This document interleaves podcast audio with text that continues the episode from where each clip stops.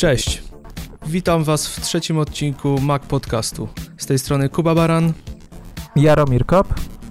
I Przemek Marczyński. Dzisiaj myślę, że zaczniemy od tematu wyjątkowo od Google'a. To, o czym chcielibyśmy porozmawiać, to kwota, jaką Google płaci Apple za to, aby ich wyszukiwarka była domyślna na urządzeniach, które pochodzą z Cupertino. Patrząc na to, co dowiedzieliśmy się w trakcie ostatniego podsumowania finansowego i fakt, że mamy aktualnie około miliarda aktywnych urządzeń od Apple, łatwo wyliczyć, że tak naprawdę licząc łatwo, że jedno urządzenie przypada na jednego użytkownika, jesteśmy dla Apple warci jednego dolara, raczej to, czego, co wyszukujemy. Wiem, że to troszkę na wyrost, ale ciekaw, ciekaw jestem waszej opinii.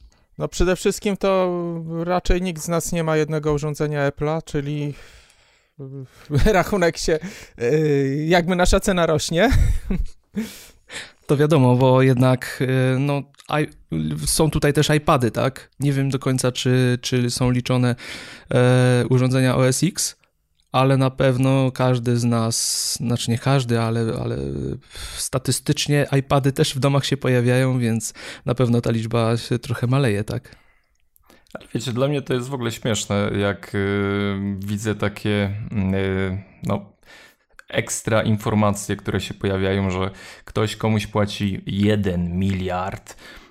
Przypomnijmy, że to nie jest y, jakaś y, zawrotna kwota bo Microsoft zapłacił za Minecrafta 2,5 miliarda.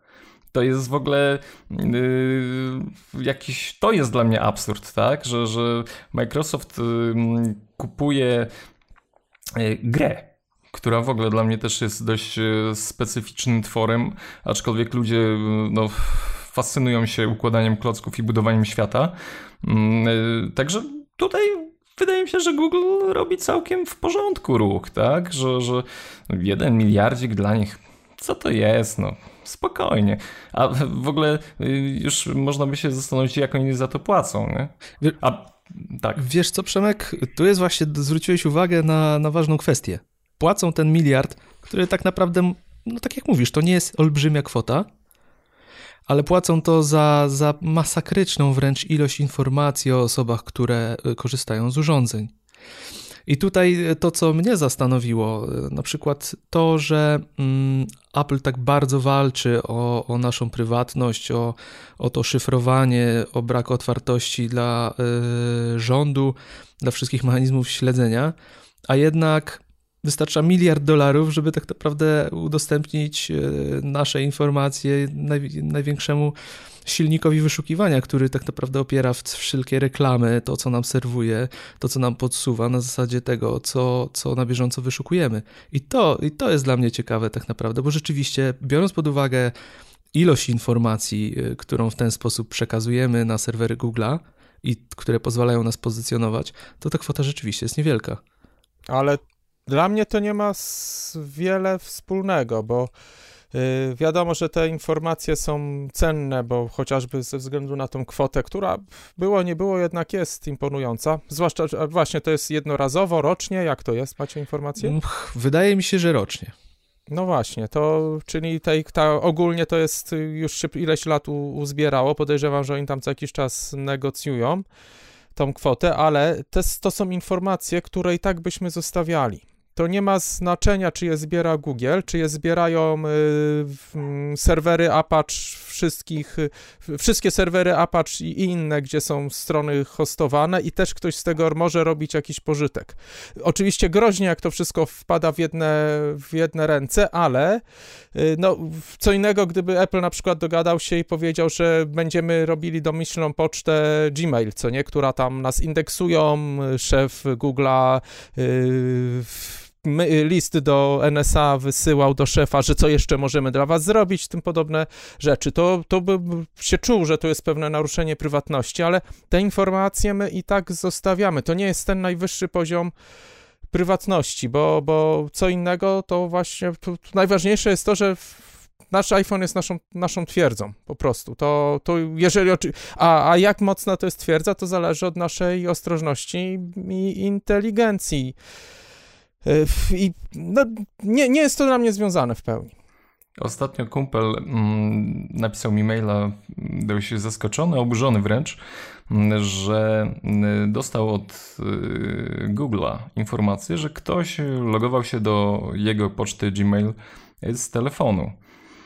Y, oczywiście to był jego telefon, ale co go tak poruszyło, to to, że była konkretna lokalizacja, skąd ktoś się logował i z jakiego urządzenia, z jakiego telefonu. W ogóle mówi, że nie wie, co się dzieje, kto to wysyła, kto mnie inwigiluje, nie? To tak naprawdę te masa danych, które zostawiamy w sieci, yy, nawet niepostrzeżenie przez nas, ona już i tak jest wertowana, co każde nasze kliknięcie, każde zapytanie, każde, yy, nie wiem, każdy klik, dosłownie wszystko dzieje się za naszymi plecami. My, przynajmniej ja, mnie to już nie oburza. I to jest trochę też takie zwodnicze, że ja już się przyzwyczaiłem do tego. Mam tą świadomość, że y, koncerny obracają moimi danymi i mnie to nie razi. A człowiek, który jest y, używa sieci, ale no jakby ceni sobie swoją prywatność i, i, w głowie mu nawet nie jest y, myśl, że ktoś gdy on y, kupi buty, to już za chwilę serwują mu skarpetki do tych butów, że, że jest to jakoś połączone ze sobą, tak? Y, nie wiem, może to też nie jest za dobrze, że my tak się do tego przyzwyczajamy, faktu, że wszyscy nas inwigilują w kółko y, i, i no, jakby kiwamy głową, że w porządku, no tak, taki jest świat, tak? Oni Ale tak żyją. Tu zwróćcie uwagę, że to, to, to znowu wychodzi na to, że to, to dwa odmienne tematy, to jak nas inwigilują w sieci i to, o co dba Apple. Apple dba o to, żebyśmy wysyłali wiadomości ze sobą, wymieniali w bezpieczny sposób, że nawet NSA ma z tym problem y, żeby nasze dane w chmurze były bezpieczne i żeby nikt nie miał do nich niepowołany dostępu, no chyba, że rzeczywiście ta, te afery z iCloudem to też było na zasadzie phishingu i ktoś się dał nabrać i sam sobie dołek wy, wykopał. Y, I o te rzeczy dba. A to, co robimy w sieci, na co już e, e, no, firma nie ma wpływu, no, robimy swoje głupoty, ona robi co może, no, iPhone jest szyfrowany od początku do końca, cała pamięć jest szyfrowana domyślnie i to porządnym kluczem. Y, możemy zdalnie go zablokować, wyczyścić właśnie w bardzo błyskawiczny sposób, oczyszczenie odbywa się nie na zasadzie, że czyści mu pamięć, tylko niszczy klucz i wtedy już y, dane, które są zaszyfrowane, no wiadomo, pewnie jakaś stajnia komputerów NSA by po pół roku rozszyfrowała, tylko kwestia, gdzie my wtedy już będziemy. Jeżeli mamy Chyba, coś że już to mają, już to mają, a Czemu mają cieszymy się, że, że, nie, że nie mamy. że już nie, to potrafią. ale dobra, słuchajcie, ale nie, nie, no bo poczekaj, bo to jest, ale to moment, bo to jest ważna kwestia, ta, y, pamiętajcie, że każda wersja iOS-a jest przez na czynniki pierwsze rozbierana przez ludzi chociażby od jailbreaku na pochybelim, ale tu akurat robią pewną dobrą robotę, no bo analizują to na drobny proszek, ten iOS. Gdyby tam znajdowali jakieś backdory i tak dalej, prędzej czy później by to wyszło tak, jak wychodzi z innymi systemami. Więc ja tu jestem w miarę spokojny. Oczywiście błędy się zdarzają i będą i, i, i co jakiś czas ktoś je wykorzystuje, ale no... W, iOS jest jednym z lepiej, znaczy iPhone, iPady są lep, jednymi z lepiej zabezpieczonych urządzeń. Ogólnie panowie, no, zeszliście w tym kierunku, o który tak naprawdę mi chodziło, czyli troszeczkę o prywatności, a w gruncie rzeczy, no ten początkowy dramatyzm, z, z którym mówiłem o, ty, o, te, o tej informacji. To była e, prowokacja. to była delikatna prowokacja, żeby właśnie usłyszeć wasze zdanie, bo tak naprawdę no, musimy zdać sobie sprawę z jednej ważnej rzeczy. Tak naprawdę nie ma alternatywy w tej chwili dla Google'a, żeby zapewnić solidną wyszukiwarkę, która będzie spełniała mm, oczekiwania użytkowników. Przynajmniej takie jest moje zdanie.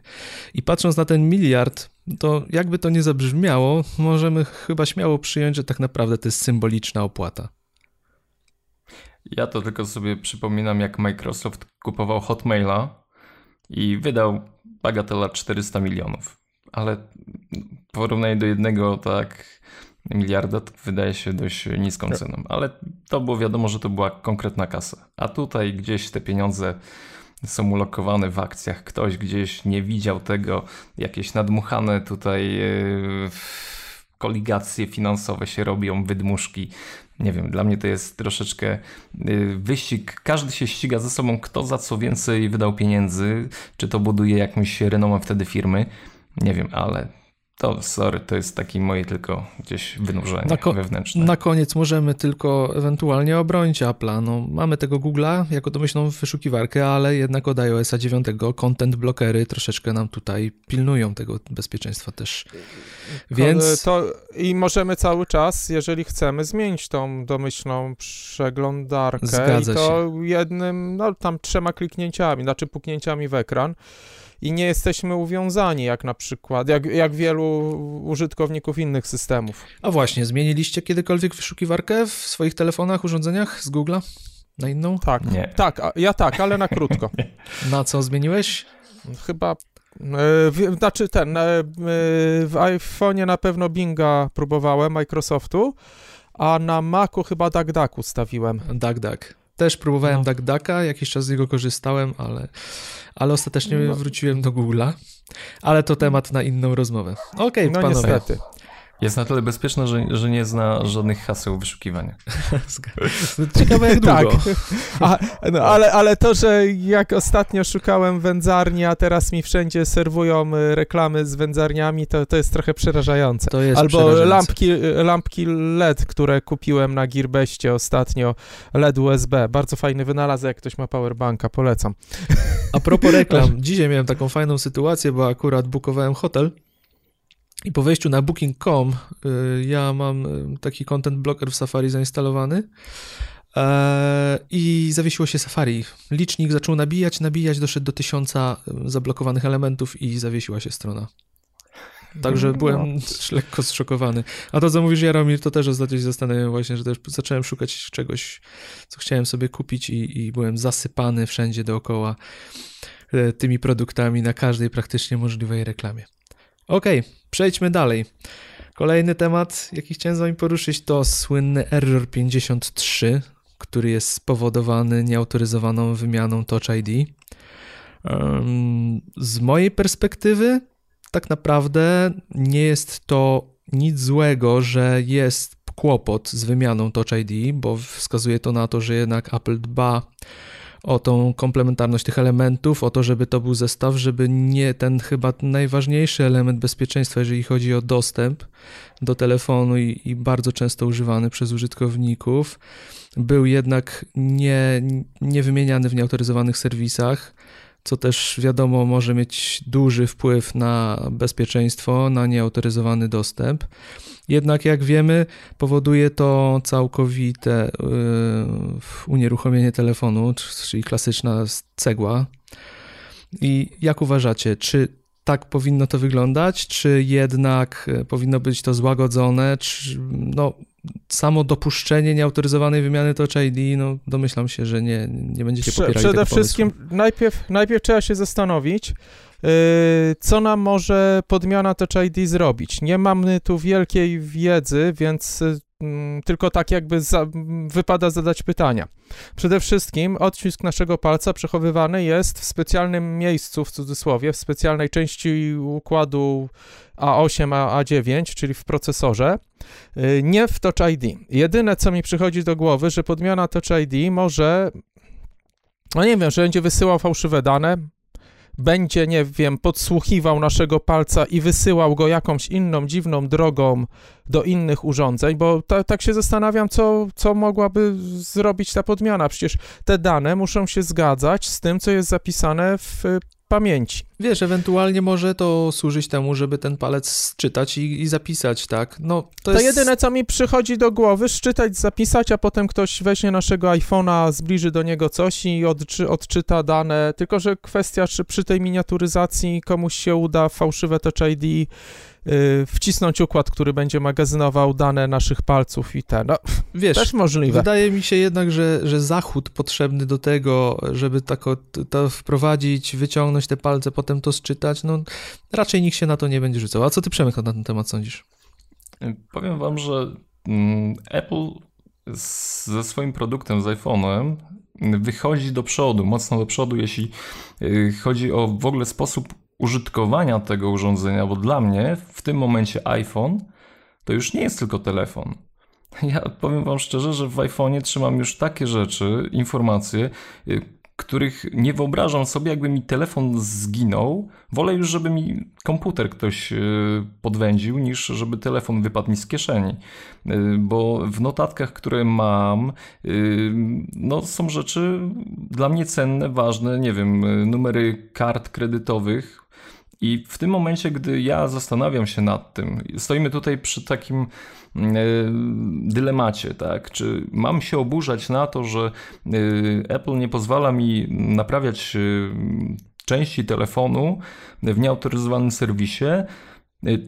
I zgadzam się na to, czy myślę o tym, że jako o takim urządzeniu, które ma być mm, centrum moich danych, i w pewnym momencie, gdy wejdzie HomeKit i ja będę tym telefonem nie tylko odbierał połączenia, nie tylko robił przelewy, przecież robimy już przelewy bankowe, ale będę otwierał moje mieszkanie, odpalał samochód.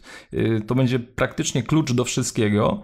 Czy wtedy ja powiem, że a w porządku, mogą sobie tam dubać przy moim Touch ID? Ale tu, tu, tu wychodzą jeszcze dwie kwestie, bo tak, raz rzeczywiście to, co masz rację, zwróćmy uwagę, że większość aplikacji bankowych na y, iPhone'ie y, jakby wymaga potwierdzenia, że ta aplikacja na tym iPhone'ie to jest mój iPhone i moja aplikacja i zabezpieczenie kluczem prostym, znaczy te lepsze to już mają zabezpieczenie Touch ID, ale wiele jeszcze tam cztero, może nie, ale 6-8 cyfrowy klucz i to wystarczy, żeby uruchomić aplikację, bo ona jest powiązana z urządzeniem, czyli tu y, no dokładnie masz rację, że, że taki trywialny przykład właśnie te, te programy bankowe, które mają dużo mniejsze zabezpieczenie, że się łatwiej z nich korzystało, no bo, ale ona jest związana z naszym iPhone'em i przez to jest jakby drugi poziom uwiarygodnienia, a nasz iPhone musimy odblokować no tutaj ci, co nie stosują żadnych kod blokadu i czy tam właśnie Touch ID, no to, no to zdecydowanie zmieńcie podejście do sprawy. To, to jedna rzecz, czyli całkowicie się z tobą zgadzam, ale druga właśnie to, co mówiłem, czy tak naprawdę dałoby się coś z tym zrobić? No być może w przyszłości tak. Y, trzecia rzecz, to opowiem wam o przykład, przypadku. A, nie, dobra, jeszcze zanim przypadek praktyczny, z którym miałem do czynienia z tym błędem, to jedna ważna ważny aspekt, że ludzie wymieniali często te rzeczy, nie wiedząc, że w przyszłości, bo to gdyby to było tak, że no, nie możecie wymienić, bo coś się stanie, albo wymieniamy od razu nie działa. Ale to niestety było tak, że niektórzy to przyszło ponoć z iOS-em 9, czyli jak ktoś wymienił, używał jakiś czas i nagle wgrywa dziewiątkę i mu się sypie. I tu jest problem. To jest moim zdaniem problem podejścia Apple'a, że że mm, nikt się nie, nie spodziewał, to że... jasno powiedziane. No. Znaczy, no właśnie, że, y, że nie...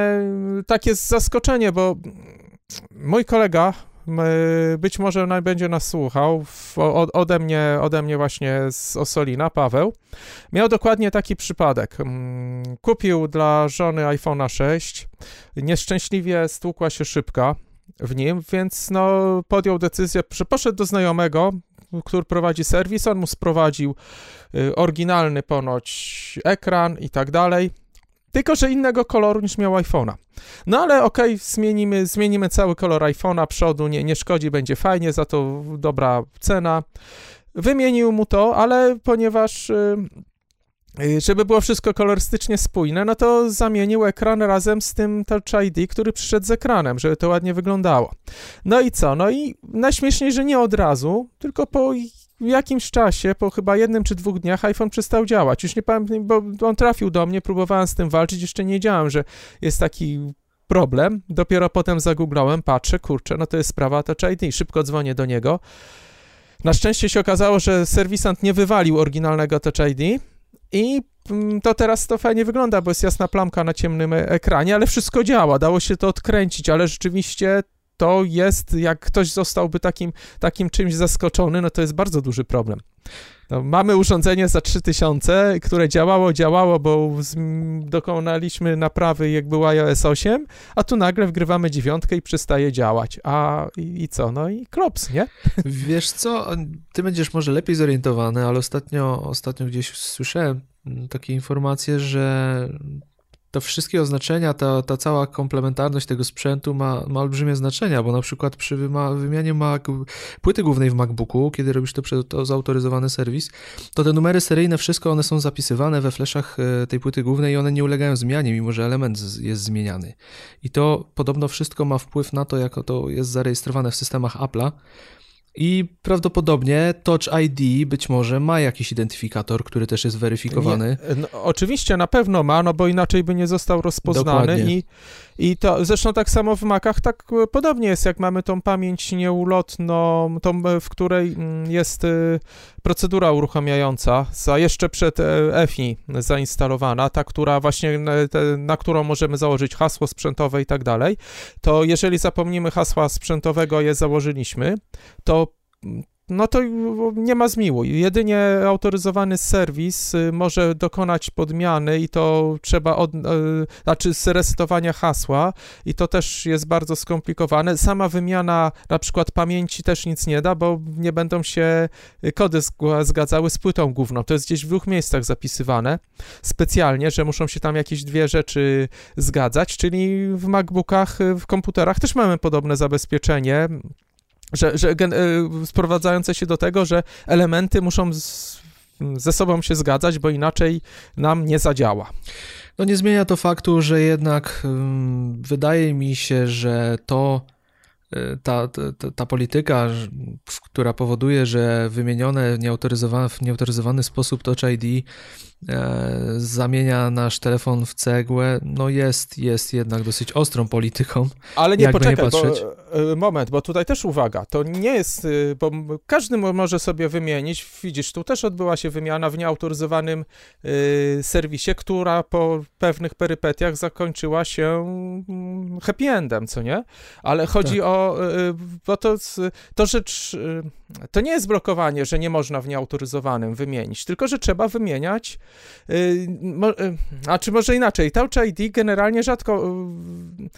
Y, najczęstszym problemem i sytuacją, kiedy był wymieniany, to było stłuczenie szybki, bo to rzeczywiście nawet w necie piszą ludzie, że po prostu przychodzi nowy element, jest cała szybka z Touch ID. Więc wszyscy wymieniali, komplet, tak jak właśnie ten, ten znajomy, serw- znajomy znajomego serwisant.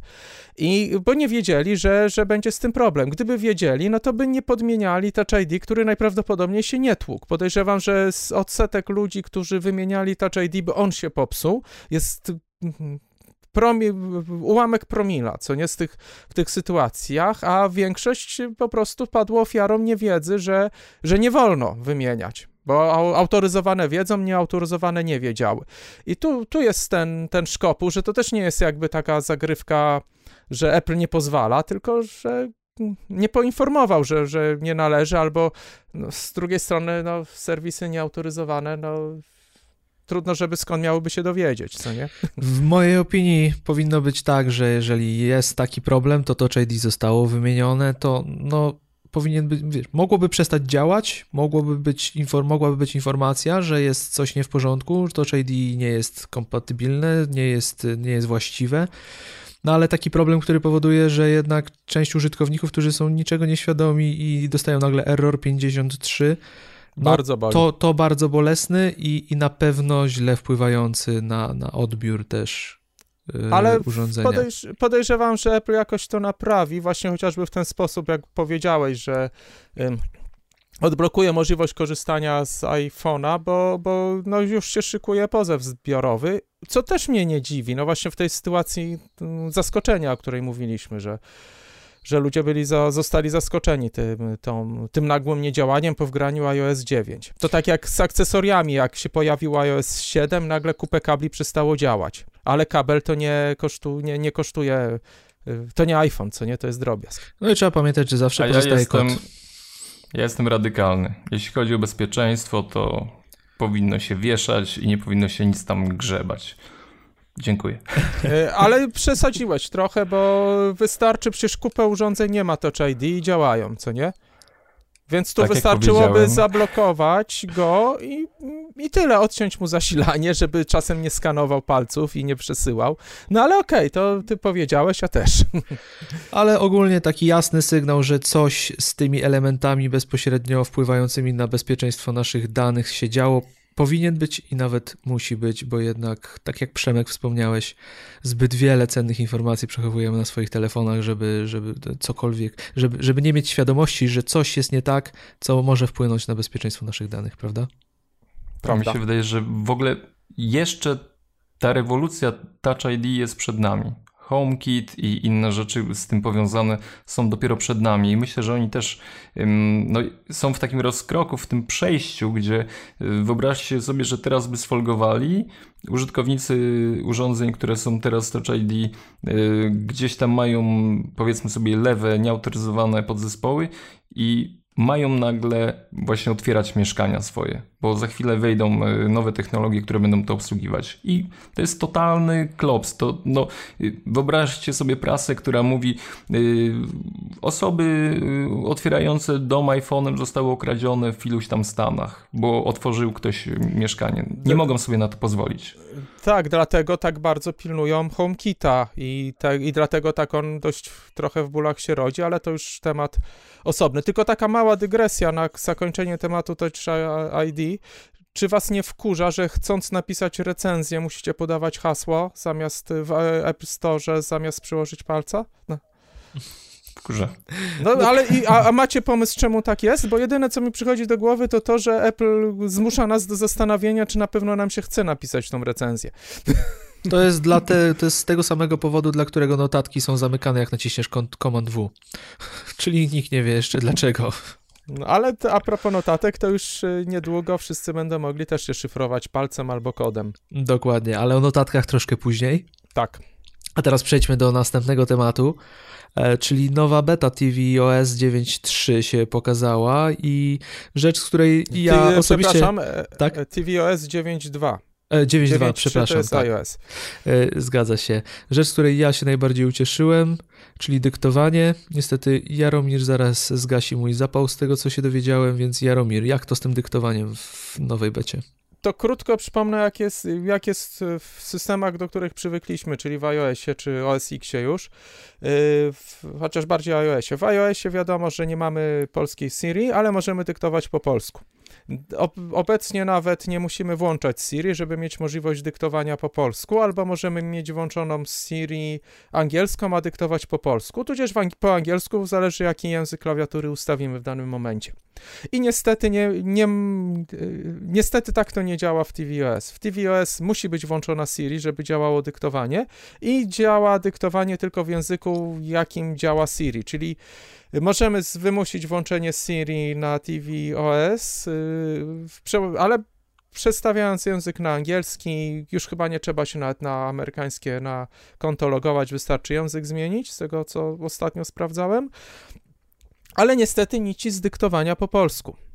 Czyli I... muszę trzymać kciuki do następnej bety, że jednak może wprowadzą to rozgraniczenie. Może, tak, chociaż widząc, co oni robią z tvOS, to obawiam się, że to wcale nie musi jeszcze w 9.2 tvOS być, tylko mogą sobie odłożyć na później, bo mm, oni jeszcze, jeszcze mają dużo innych rzeczy do nadrobienia, a tutaj podejrzewam, że też mają jakiś problem z oddzieleniem tego dyktowania. To co, co, coś, coś tu nie gra. Obym się mylił. Mam nadzieję, że rzeczywiście pójdą po rozum do głowy i przed finalną wersją y, pod, y, pozwolą na dyktowanie w dowolnym języku. W końcu tu nie ma potrzeby tej bazy danych, informacji o filmach i innych rzeczach, która jest potrzebna dla Siri OS, bo też ją trzeba Siri OS rozgraniczyć od tej iPhone'owej, bo ona też w, TV, w tvOS nie działa w tej samej ilości krajów co na, co na iOS, w znacznie mniejszej. Więc jest jeszcze bardziej ograniczona no, językowo, tak to nazwijmy. No ni niestety, trzeba poczekać, a ewentualnie możemy podyktować po angielsku, ale wtedy cały system trzeba przestawić na angielski. Wiesz co, dla mnie by to było zrozumiałe, gdyby tak naprawdę nie działało to w tym głównym wyszukiwaniu, który mamy w OS-ie, tvOS-ie, ale jednak tak, takie wyszukiwanie, które wymaga typowego wpisywania z klawiatury, no to jednak tak jak w telefonach mogłoby chyba wspierać to polskie dyktowanie i z tego nie do końca rozumiem. A tu jak już powiedziałeś coś o... Znaczy zgadzam się z tobą i wywołałeś mm, mm, no, słowo kluczowe klawiatura, to przypomnę, że w tvOS 9.2 w końcu można parować bluetoothowe klawiatury, niekoniecznie od Apple'a, można taką tanią za 10 dolarów klawiaturkę bluetoothową też sparować z bo, bo próbowałem z Apple TV i tutaj też widać, że to jest jeszcze średnio zrobione, bo y, pięknie może, naprawdę to jest bardzo duży komfort, że można użyć klawiatury, wpisywać z klawiatury, ale cały czas ta okna na wpisywanie tekstu wyglądają tak jak do, do pilota, czyli mamy na dole te literki, mamy y, to miejsce, gdzie wpisujemy, to jest całkowicie oderwane, no ale no, też wymagałoby dużych przeróbek w interfejsie, żeby to działało inaczej przy podłączeniu klawiatury. No, ale w iOSie sobie poradzili, nam ta ekranowa znika, a tutaj cały czas mamy ekranową klawiaturę, ale na szczęście możemy korzystać z tej fizycznej. Też tylko czekać, aż się pojawią programy, które zaczną to wykorzystywać, z tym, że na razie jeszcze system na to nie pozwala, mm, nie ma właśnie tego pełnoekranowego interfejsu do wpisywania tekstu z klawiatury fizycznej. Ale to takie drobne pocieszenie, że dyktować sobie nie podyktujemy prawdopodobnie po polsku, ale możemy sobie wygodnie popisać na klawiaturze, jak, jak taką mamy, bluetoothową. Tak. Będziemy mogli niedługo, jak tylko będzie system upubliczniony. No nic, to trzymamy kciuki dalej za to, żeby to chociaż dyktowanie było w, w tvOSie, bo jest to na tą chwilę dość irytujące, tak naprawdę wpisywanie kolejnych fraz. No i przejdźmy dalej. Kolejna beta OS X no i tutaj notatki, które zdobywają coraz większą popularność, jakby nie patrzeć, i nowość, która pojawi się wraz z kolejną aktualizacją systemu, czyli możliwość importu zapisków z Evernote. Przemek, to oczywiście pytanie do ciebie. Myślę, że wiedziałeś, że, że będę ciebie o to pytał. Jak myślisz, czy to jest celowy ruch Apple i, że tak powiem, dołożenie kolejnego gwoździka do, do tego wieka e, trumny, które, którą zapowiadają niektórzy dla Evernote. No ja wierzę w to, że Evernote jednak się utrzyma, ale no to chyba nie jest dla nich dobra informacja. Co, co na ten temat myślisz? Ja sobie tak marzę po cichu, że może Apple kupi Evernote. tak często jest promowanych w App Store, że czasem mam wrażenie, że to jest gdzieś jakaś odnoga tej firmy. Mm, ale faktycznie ja no nie, nie ukrywam tego, że jestem e, maniakalnie związany z tą marką. E, no, coś, coś niesamowitego dzieje się w Evernote, w tej aplikacji notatek. Ona w 2012 roku była wyceniana na miliard dolarów z liczbą zarejestrowanych użytkowników przekraczającą 30 milionów. To jest w ogóle coś niesamowitego, żeby z takiego potencjału nie można wykrzesać no, funduszy do życia dla siebie. Chociaż pamiętam, że jak miałem przyjemność yy, gdzieś yy, pędzić w Stanach do, do Krzemowej Doliny i widziałem ten budynek Evernote, to on robił niezłe wrażenie, że tam no, trzeba utrzymać potężną armię ludzi, żeby, żeby to funkcjonowało. Jestem troszeczkę. Hmm, no, nie wiem, trudno mówić tutaj o obawach, tak? Na pewno dla mnie nie jest to rozwiązanie. Ciekawe, jak to będzie w ogóle rozwiązane, ale nie jest, notatki nie są rozwiązaniem i nie są w stanie w moim użytkowaniu tego narzędzia zastąpić Evernote, chociażby z jednej drobnej przyczyny, że nie mogę e, linkować pomiędzy notatkami. Mm, no, nie wiem, to jest jedna z ważniejszych dla mnie funkcji, gdzie sobie robię jakąś listę, y, nawet przygotowując magazyn, y, robię w Evernote spis treści i tam robię odnośniki do, do mm, innych notatek. Nie wiem, powiem wam, że, że no, byłoby mi bardzo przykro, jeśli faktycznie Apple ma na, na celowniku swoim dobicie Evernote z inną aplikacją, gdzie też był strach, że zostanie zmieciona, gdy y, wprowadzono możliwość przechowywania haseł w chmurze, to znaczy przywrócono tak naprawdę tą funkcjonalność, że OnePassword, jedna z lepszych aplikacji, zostanie też zabita i to się nie udało. Mam nadzieję, że Evernote też nie będzie tym koniem ofiarnym gdzieś, który wpadł Apple'owi pod nogi. Na, na razie też y, nie widzę takiej szansy, mimo że ja Evernota, no, ja dla niego nie widzę u siebie zastosowania, za to notatek używam namiętnie, ale no, notatki mają dwie wady. No, yy, z dzieleniem jest problem. To właśnie z linkowaniem to ja teraz próbuję zrobić, czy się czasem nie daje linkować teraz, a przynajmniej łączyć jednych notatek z drugimi, bo, bo jest taka opcja dołączania notatki do notatki w notatkach. Mhm. I tylko muszę to w praktyce przećwiczyć, bo nie da się to, tego zrobić. Nie da się przeciągnąć, chyba że istnieją inne sposoby. Przeciągnąć nie, ale jest to opcja udostępnij i tutaj można wybrać notatkę. Tak, to jest fajne i tam jest ta możliwość dopisywania do już istniejącej notatki informacji i, a, i to jest a wygodne. one, właśnie tylko jeszcze nie sprawdzałem, jak to, jak to się linkuje, jak to działa, więc jakby nie, nie będę kontynuował tego tematu, ale To dopisuje jest- treść po prostu do tej notatki, do której dołączasz. Aha, no to, no to, to, tak, to, to nie jest to, co Przemkowi chodziło, ale druga rzecz, która mnie w notatkach martwi, tutaj przypomnijmy, że właśnie to, co już zmiankowaliśmy, że notatki od y, wersji, które niedługo będą udostępnione OS X i iOS-a, będzie można zabezpieczać hasłem, tudzież Touch ID, znaczy jak Touch ID, to i hasłem, bo to wiadomo, że tą notatkę potem możemy otwierać na urządzeniach, które nie mają czytnika linii papilarnych. Więc będziemy mogli notatki zabezpieczać, bardzo ważna rzecz, y, ale y, ja mam na przykład y, konta iCloud dzielone między kilka osób, gdzie są notatki, którymi mogę się wymieniać, znaczy mamy wspólne notatki. I tu niestety jest ten problem, że tych notatek wspólnych nie można przekształcić na ten nowy format z tymi wszystkimi bajerami, jak listy do odhaczania, rysunkami, obrazkami i, i tak dalej. I jakby to Apple zrobił, to wtedy by się dużo zmieniło. Ogólnie w mojej opinii, e, jeżeli chodzi o Evernote'a, to wydaje mi się, że Apple idzie w kierunku takim, żeby dać tą alternatywę prostą i, i wygodną dla użytkowników, którzy nie są w stanie wykorzystać potencjału Evernote. Takich Ja co ja. prawda, ja no, prawdopodobnie, na przykład. E, Ja na przykład e, od dłuższego czasu korzystam z notatek dosyć namiętnie, testuję je sobie w codziennej pracy, ale widzę elementy, których mi brakuje, których uży, używałem w Evernote, na przykład jak tagowanie. To jest dla mnie dosyć istotny element. Ale zdaję sobie sprawę też z tego, że dla wielu osób Evernote z polecenia stało się domyślnym notatnikiem, w którym przechowują swoje informacje ze względu na tą synchronizację i tego typu rzeczy, ale jednocześnie nie widzą zastosowania dla tych wszystkich dodatkowych opcji i mogą one ich troszeczkę przytłaczać. I w tym momencie, jeżeli te osoby stwierdzą lub na przykład ktoś im podpowie to, żeby przesiąść się na notatki, które są domyślnie w systemie, które rzeczywiście zostały udoskonalone ostatnio i, i sporo dobrego zostało zrobione, to ta możliwość importowania e, tego, co zdąży, zdążyli zgromadzić w Evernote, na pewno będzie przydatna. A e, myślę, że ludzie, którzy już pewną część e, swoich mm, danych, jakichś informacji w Evernote zawarli na przestrzeni lat, no raczej nie będą chcieli nawet tego importować. Nawet jeżeli mieliby zostawić Evernote, to myślę, że i tak on pozostanie w ich systemach jako takie swoiste archiwum, do którego będą sięgać.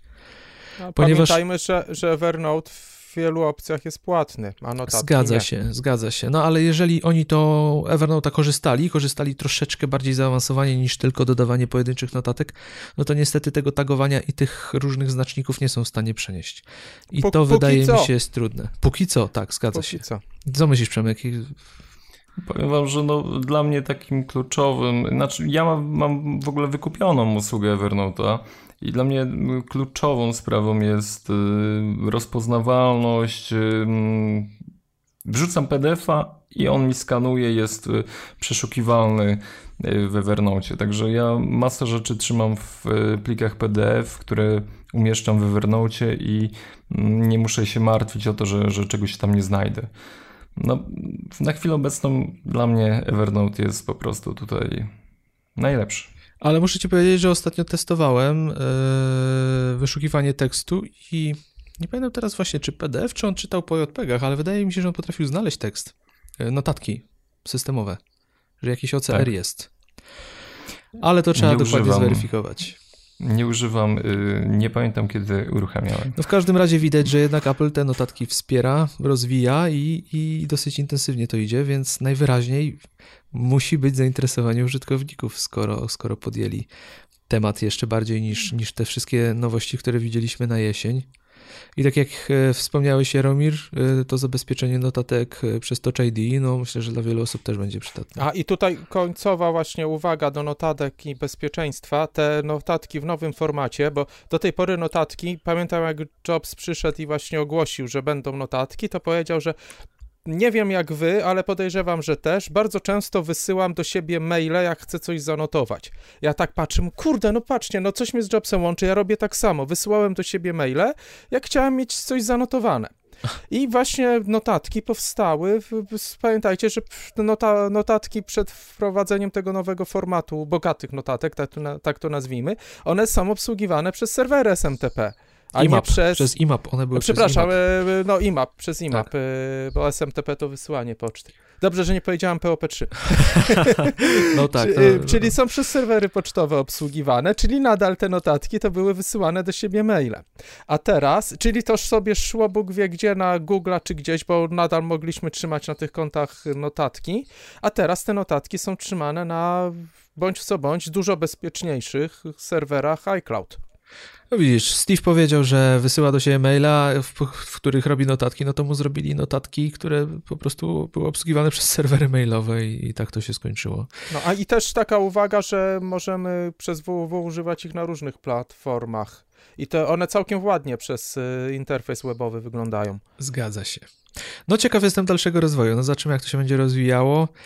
Jeszcze bardziej ciekaw jestem, co dalej z Evernote, no bo śledzę ten temat, no i tak jak Przemek wspomniał, to jest dość ciekawe, dlaczego tak trudna wydaje się aktualna sytuacja Evernote'a, a jeszcze bardziej ciekawe jest, jak to rozwiążą i czy przypadkiem rzeczywiście ktoś ich nie kupi. A jeżeli będzie to Apple, to będzie to naprawdę tak. niesamowita informacja. Wątpię, Tak może że być, tak prędzej może Google być. ich kupi. E, tak, tylko że Google ich kupi i zabije, tak jak większość rzeczy, które kupuje.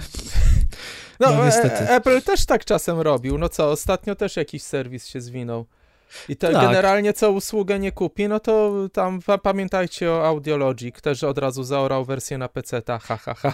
Zgadzam Ale dobra, e, ale, ale. Google chyba jednak kupuje takie bardziej popularne platformy i, i, i usługi, których jednak większe, więc, większe grono osób ma świadomość, że istniało i, i, i się już nieraz skończyło, że po prostu zostało zamknięte. Okej, panowie, a jak tam wasze wtyczki do zasilaczy? Wymieniacie? Macie te wadliwe, czy Mam jeszcze nie wadliwe. sprawdzaliście? M- mój tato już chyba wymienił, albo się wybiera, bo już mi mówił, że, że namierzył, że ma i że... A ważne, że wymieniają od ręki. Idzie się do, do serwisu do, i tam daje się wtyczkę, dostaje się nową. Przemek? Ja jeszcze nie sprawdzałem, ale warto powiedzieć, jak rozpoznać y, wadliwe wtyczki, które Apple za darmo wymienia. Y, Jak, y, wiecie panowie, jak, jak je poznać? Czy, My, czy my wiemy, a ty My opowiadaj, wiemy, bo a ty, no, jak, może ty chcesz się dowiedzieć. A ja bym chciał się dowiedzieć. A my byśmy chcieli, żebyś ty nam powiedział. Y, To jeśli nie ma znaczka EU, tak? Tak, zgadza Dobrze się, mówię? zgadza się. Jeśli nie ma znaczka EU, to oznacza, że ta wtyczka jest chińska. Jest strefa. Tamte też są wtyczki, tak. Też są chińskie, ale y, tamte są bardziej chińskie niż y, te chińskie.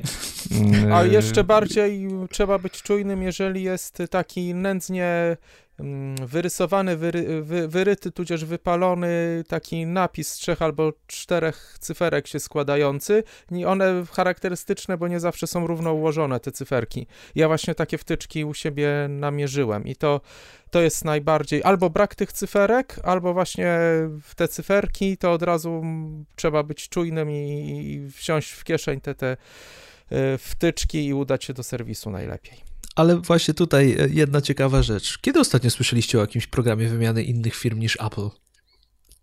Kojarzycie takie sytuacje? Tylko, y, tylko ewentualne wezwania różnych firm samochodowych. Dokładnie. Po- Tak. I teraz ja, co prawda nie prześledziłem tematu, ale ciekaw jestem, ilu producentów komputerów ma takie programy wymiany, czy w ogóle ma takie programy wymiany, a jeżeli nie ma, to ja uważam, że raczej się nie przyznają do niektórych rzeczy, bo raczej ciężko uniknąć takich przypadków. I tutaj Apple zaczyna brać z nich przykład. Tak? Dlaczego? Jak, No, w program wymiany kart graficznych Mac Pro. No zgadza się, zgadza się. Dużo, dłu, długo użytkownicy oczekiwali na to, żeby te karty zostały wymienione Tylko, i że program też to, naprawczy ruszył. No na, tutaj jakby nawiązuje do tego, że oficjalnie się nie przyznał do, te, do tego programu, bo można wejść na odpowiednią stronę wsparcia technicznego Apple'a i zobaczyć, jakie są aktualnie programy wymiany. Jeszcze chyba ciągle trwa program wymiany iPodów mini, tak? A chyba go jeszcze nie zakończyli. Powiem ci tak, y, iPod Nano, nie wiem czy mini, Nano, ale na pewno tak. Nano pierwszej Nano, generacji. Mam takiego w szufladzie, mógłbym go wymienić, ale nie chcę tego zrobić, bo to, bo to jest moje pierwsze urządzenie od Apple'a. I. No i jeszcze MacBooki Pro z y, 2011-2013, y, też karty graficzne. Dyski w iMacach, ciągle trwa program wymiany, więc tych programów tam nie pamiętam, ale było cztery, czy jakoś tak, wymienione na stronie, a tego y, nie wiem, może już teraz podali, ale jak go wysłali tylko informacje do serwisów i resellerów, a być może do użytkowników też zarejestrowanych tych urządzeń, ale nie podali oficjalnie na stronie, że jest program wymiany kart graficznych w Mac Pro. Dlatego wam o, o tym mówimy, bo jakbyście mieli takowy, moglibyście przegapić. Panowie, a pamiętacie może jeszcze, póki jesteśmy przy programie wymiany, czy MacBooki, pierwsze MacBooki Pro z ekranem Retina y, miały program wymiany matryc? Pamiętacie, była taka przypadłość chyba Samsung lub LG, były dwóch, było dwóch producentów i na jednym wypalał się obraz. W sensie znikał, ale pozostawały artefakty, jeżeli dłużej mieliście jakiś tam wyświetlony obraz, to zostawał na ekranie. Ale nie kojarzę, żeby, była, żeby był program naprawy tego wymiany. Kojarzycie? Też, też nie kojarzę. Ja pamiętam program wymiany w y, iBookach y, białych y, kart graficznych w G3. Y, mi wymieniali dwie, dwa razy.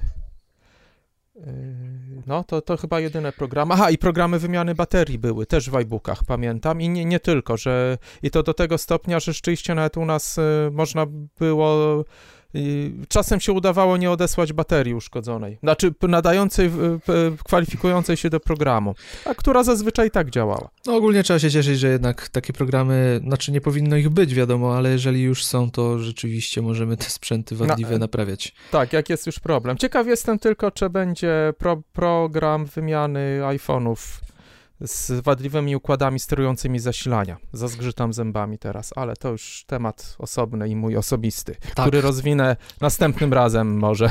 No to jest też ciekawy temat. Okej, panowie, już troszkę czasu za nami, więc przejdźmy może do aplikacji tygodnia. Przemek, co zostało Mm. aplikacją tygodnia? To dzisiaj będzie y, aplikacja tygodnia z niespodzianką. Y, Bardzo popularne narzędzie, którego chyba użytkownik sprzętu Apple nie jest w stanie nie znać. Mm, I wspomniali, wspominaliśmy o niej dzisiaj. To jest aplikacja One Password, y, menedżer haseł, bez którego osobiście ja nie potrafię funkcjonować i mm, no, wszystkie rzeczy związane z moją prywatnością mam w tym urządze- w tej aplikacji. Mówię w urządzeniu, bo ten program y, działa również pod iOS-a i tak naprawdę wpisując w jednym miejscu hasło, notatki, mam tam nawet moje piny do y, kart, bo ja jestem człowiekiem zapominalskim. Y, One lądują u mnie w telefonie, w kieszeni i mają być tam bezpieczne. Mają być tam bezpieczne. Y, Co można powiedzieć o tym programie? Na pewno uzupełnicie chłopaki mm, kilka rzeczy. Y, Najważniejszy temat dla mnie to jest możliwość przechowywania haseł y, na różnych stronach. Y, Istnieje wtyczka, która integruje się z Safari i różnymi innymi przeglądarkami. Y, Odwiedzając stronę, mając podany formularz, możemy albo wygenerować hasło, albo stworzyć swoje i zapisać, albo jeśli już mamy przydzielone hasło do tej strony, mm, możemy bardzo łatwo zalogować się, no nie pamiętając y, danych logowania, wystarczy tylko hasło mm, jedno, hasło do, do dostępu do OnePassword. Zgadza się. Tak, po, powiem tak, że jest to aplikacja, bez której potrafię żyć od jakichś dwóch lat, a kiedyś jej używałem. Y, Ale no dlatego, że jestem, znaczy nie, nie powiem jednoplatformowy, bo teraz to już trzyplatformowy, bo iOS, OS X i tvOS, jeszcze Watch y, OS-a nie mam.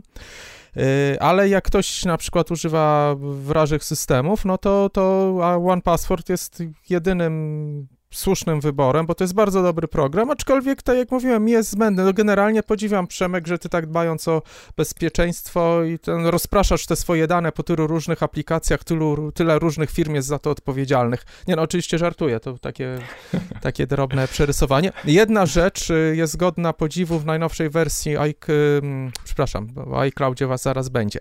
Y, One Password zastosowali do synchronizacji CloudKit. Now, no nie taką nową, do iOS 8 wprowadzoną, czyli tam około dwóch lat temu funkcję, znaczy usługę Apple'a dla deweloperów, usługę dla, dla aplikacji. I to jest usługa, która bazuje na iCloudzie, taki, taka chmurowa baza danych. Tylko ciekawostką jest to, że OnePassword jest programem na różne platformy. I tu e, ten iCloud będzie rósł w siłę, dlatego że Apple pozwala, dał, dał interfejs do e, webowo-javowo-skryptowy do posługiwania się komunikacji, się z cloud, e, komunikacji z CloudKitem z innych platform, czyli nie trzeba używać tego wewnętrznie z systemów Apple'a, można to robić przez www, JavaScripty i tak dalej, dlatego OnePassword mógł zaimplementować ten system bardzo wygodny i tani dla deweloperów, w, również w swoich aplikacjach na Windowsa, bo napisał ułatwiający taki, jakby na, napisał własne API, które ułatwia korzystanie z tego, z iClouda na innych systemach i ponoć mówią, że go chcą, że go być może udostępnią, gdzieś tak już czytałem. Oby, to byłaby y, to byłaby bardzo dobra wiadomość dla wielu deweloperów i dla Apple'a. To tak abstrahując od samej aplikacji, tutaj jakby bijąc, bo której nie używam, ale i tak kłaniam się nisko autorom, y, czyli Agile. To ja uzupełnię jeszcze to, co powiedział Jaromir. Jeżeli chodzi o, tą, y, o to zapisywanie haseł i korzystanie z, z iCloud do przechowywania y, danych, tutaj też y, głównym powodem była możliwość korzystania z CloudKit, kiedy aplikacja jest dystrybuowana poza Mac App Store. Bo dotychczas, znaczy dotychczas, no było udostępnione API, ale y, możliwość korzystania z iClouda była udostępniona tylko dla aplikacji, które były sprzedawane przez Mac App Store, ponieważ były one odpowiednio podpisywane i przez to otrzymywały autoryzację. I tak jak Jaromir wspomniał, e, Agile Beats e, stworzyło odpowiednie API, które zamierza udostępnić jako na zasadach open source dla innych deweloperów, ale warto wspomnieć o jednym obwarowaniu takim, że aby aplikacja mogła korzystać z iCloud, musi być, poza tym, że jest sprzedawana poza Mac App Store, musi występować również w Mac App Store. Nie wiem z czego to wynika, ale takie jest obwarowanie, jest to w oficjalnej informacji prasowej. Prosta przyczyna, bo y, Apple Większość systemów, na przykład ten Pars, czy jak mu tam nie dał, który Facebook ogłosił, że go zamyka, właśnie systemów wsparcia tego typu, czyli jakiś tam backend, jak na to brzydko mówią, czyli taki system bazodanowy, gdzieś tam serwerowy, z którego można w różnych aplikacjach deweloperzy mogą korzystać, nie męcząc się specjalnie przy kodowaniu własnych usług. Tamte, tamte zazwyczaj były płatne bardzo, poziom, przy którym trzeba było płacić, był dość nisko ustawiony, a za CloudKit naprawdę trzeba bardzo się wysilić. Można bardzo duży system mieć, bardzo dużo w nim danych i ani grosza nie zapłacić dla Apple'a. Dlatego Apple się zabezpiecza, że jak już daje coś prawie za darmo, bo tam są e, limity zapytań i wielkości danych, kiedy parę centów trzeba zapłacić Apple'owi, ale no, chce się zabezpieczyć, że jak już daje coś praktycznie prawie za darmo, no to niech coś z tego ma, czyli niech ma przynajmniej tą aplikację. No i chyba domyślam się, że żeby się autoryzować, to użytkownik musi założyć Apple ID. Bez tego się nie autoryzuje, nawet jak nie chce używać tego na urządzeniach Apple'a, a na przykład tylko One Password na, na Windowsie, co nie? No bo tak też można. Zgadza się.